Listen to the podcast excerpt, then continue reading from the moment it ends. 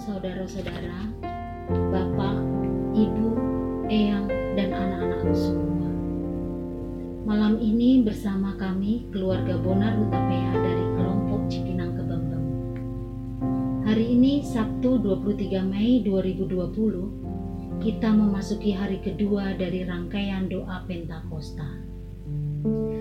Marilah kita memasuki saat teduh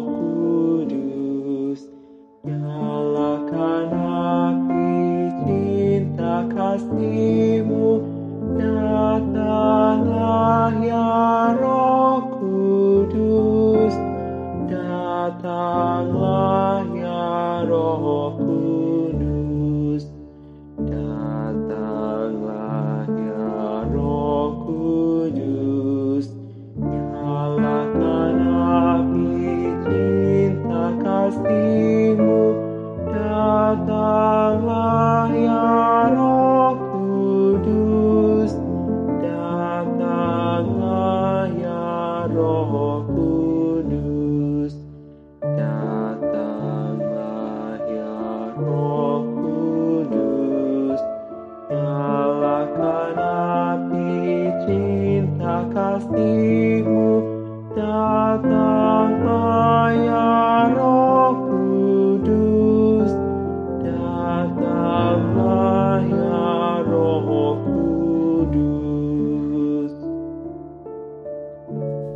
Yohanes pasal 14 ayat 15 sampai ayat 20. Jikalau kamu mengasihi aku, kamu akan menuruti segala perintahku. Aku akan minta kepada Bapa dan ia akan memberikan kepadamu seorang penolong yang lain. Supaya ia menyertai kamu selama-lamanya, yaitu roh kebenaran. Dunia tidak dapat menerima dia, sebab dunia tidak melihat dia dan tidak mengenal dia. Tetapi kamu mengenal dia, sebab ia menyertai kamu dan akan diam di dalam. Tidak akan meninggalkan kamu sebagai yatim piatu.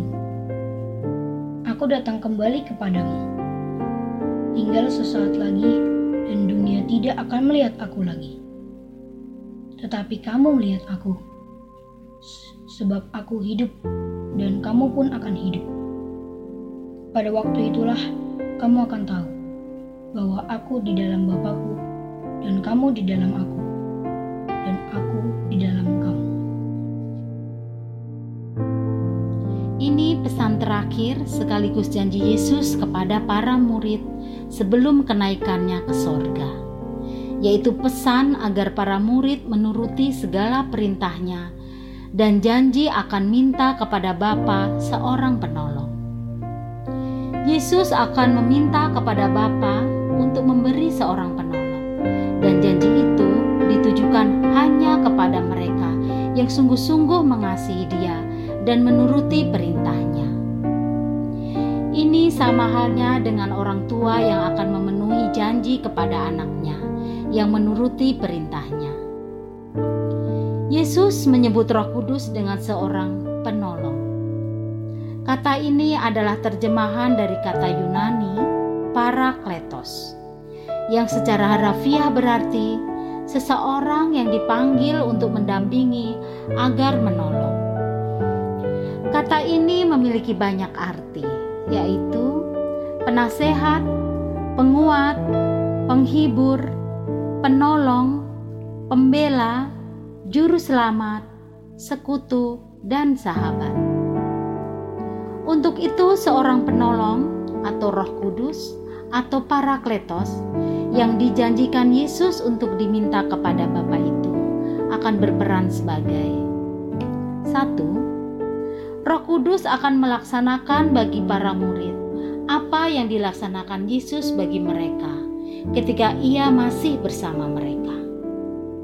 Roh Kudus akan mendampingi mereka untuk menolong dan menguatkan mereka, mengajar mereka dalam hidup yang benar, menghibur dalam situasi yang sulit, serta menaikkan doa syafaat bagi mereka, menjadi seorang sahabat untuk membantu kepentingan mereka, dan untuk tinggal beserta dengan mereka untuk selamanya. Dua, istilah parakletos ini juga dipakai untuk menunjuk Tuhan Yesus. Oleh karena itu, Yesus merupakan penolong dan juru syafaat kita di sorga. Sedangkan Roh Kudus merupakan penolong dan juru syafaat yang tinggal bersama kita di bumi ini. Roh Kudus juga disebut roh kebenaran. Karena dia adalah roh Yesus yang adalah kebenaran itu. Dengan demikian, dia bersaksi tentang kebenaran itu. Menerangkan tentang kebenaran, menyingkapkan hal-hal yang tidak benar, dan menuntun orang percaya ke dalam seluruh kebenaran. Roh Kudus hanya mendatangi mereka yang menyembah Tuhan dalam roh dan kebenaran. Roh Kudus pada saat itu tinggal bersama dengan para murid, dan Kristus berjanji bahwa Roh itu akan diam di mereka. Janji Roh Kudus akan diam di dalam orang percaya digenapi setelah kebangkitan Kristus. Ketika Yesus mengembusi murid-muridnya dan berkata, "Terimalah Roh Kudus." Yesus menyatakan diri kepada orang percaya yang taat melalui Roh Kudus yang memperkenalkan kehadiran pribadi Yesus di dalam dan beserta orang yang mengasihi Dia. Roh Kudus menyadarkan kita tentang dekatnya Yesus dan realitas kasihnya, berkatnya, dan pertolongannya. Hal ini termasuk tugas utama Roh. Kenyataan bahwa Kristus menghampiri kita melalui Roh Kudus seharusnya menyebabkan kita menanggapi dengan kasih, penyembahan, dan pengabdian. Saat ini, ketika kita melakukan doa Pentakosta, yaitu doa menantikan hari Pentakosta, bukan berarti Roh Kudus belum turun dan kita sedang menantikan Ia turun, tetapi justru menjelang hari Pentakosta, kita diajak kembali untuk mengingat bahwa Roh Kudus telah diberikan kepada kita dan ada bersama kita. Roh Kudus diberikan kepada kita yang menuruti perintah Tuhan. Percayakah kita bahwa di masa pandemi COVID-19 ini, Roh Kudus ada bersama kita untuk menolong, menguatkan, menghibur, dan menjaga kita? Malam ini kita akan berdoa untuk pergumulan saudara-saudara kita dalam menyambut Hari Raya Idul Fitri. Kita awali dengan menaikkan doa Bapa kami dalam nyanyian bersama sebagai berikut.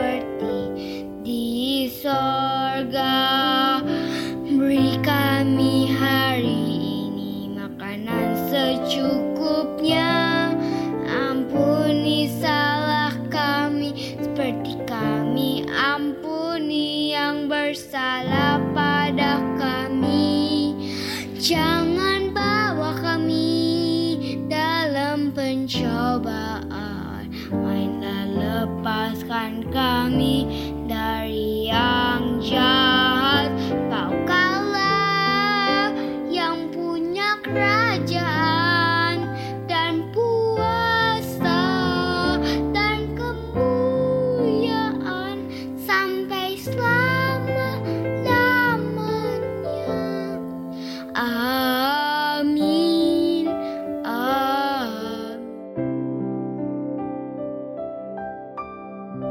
Mari kita berdoa.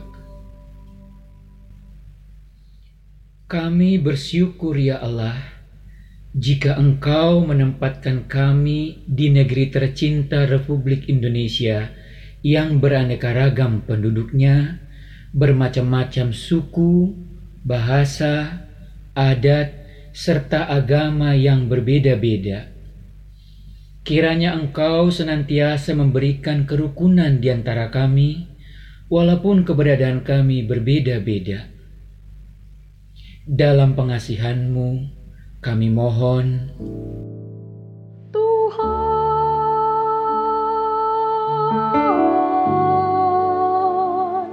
dengarlah doa kami.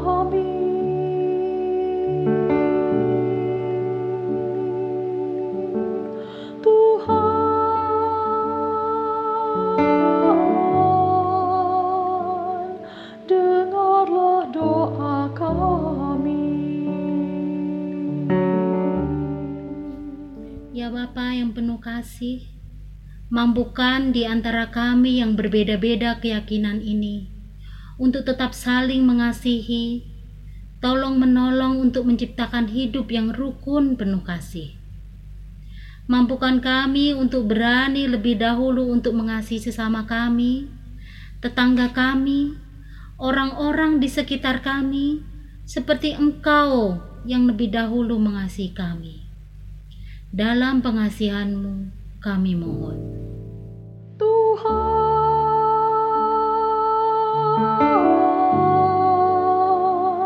dengarlah doa kami.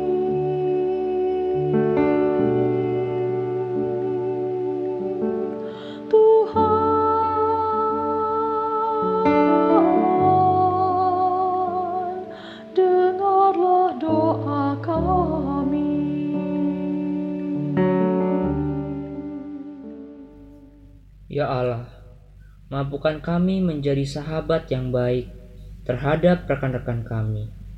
Berilah kepekaan dan kepedulian sehingga kami bisa menjadi sumber kasih yang berasal dari Engkau. Kasih yang menolong, menghibur di tengah-tengah situasi yang sulit ini. Dalam pengasihanmu, kami mohon.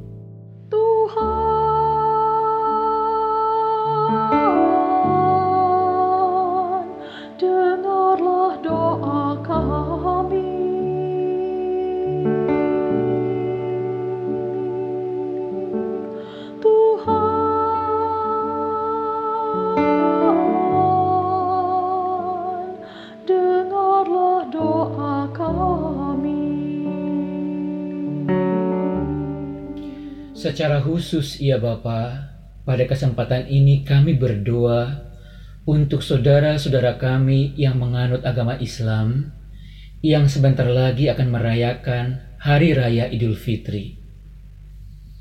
Banyak saudara-saudara kami yang tidak bisa merayakannya bersama-sama keluarganya yang dikarenakan sedang menderita sakit yang dirawat di rumah sakit maupun karena harus menjalani isolasi mandiri. Yang sedang menunaikan tugas dalam penanganan pandemi COVID-19, baik para dokter, perawat, pegawai rumah sakit, para petugas keamanan dan ketertiban, pegawai negeri sipil yang harus tetap menunaikan tugas tanggung jawabnya, serta orang-orang yang tidak bisa berkumpul keluarga karena mematuhi peraturan-peraturan yang diterapkan pemerintah. Berikanlah mereka ketabahan, penghiburan, dan tetap semangat, serta berikanlah penghayatan yang lebih mendalam, sehingga walau tidak bisa merayakan Idul Fitri bersama-sama keluarganya, mereka tetap bersyukur karena campur tangan Tuhan. Dan kiranya perayaan Idul Fitri di seluruh Indonesia dapat berjalan dengan baik dan hikmat dan tetap mematuhi peraturan-peraturan yang ada. Sehingga damai sejahtera dari Tuhan nyata dalam kehidupan seluruh lapisan rakyat Indonesia dan kami pun tidak merasa gelisah dan gentar karena Tuhan beserta kami. Inilah syafaat kami ya Bapa. Dalam pengasihanmu, kami mohon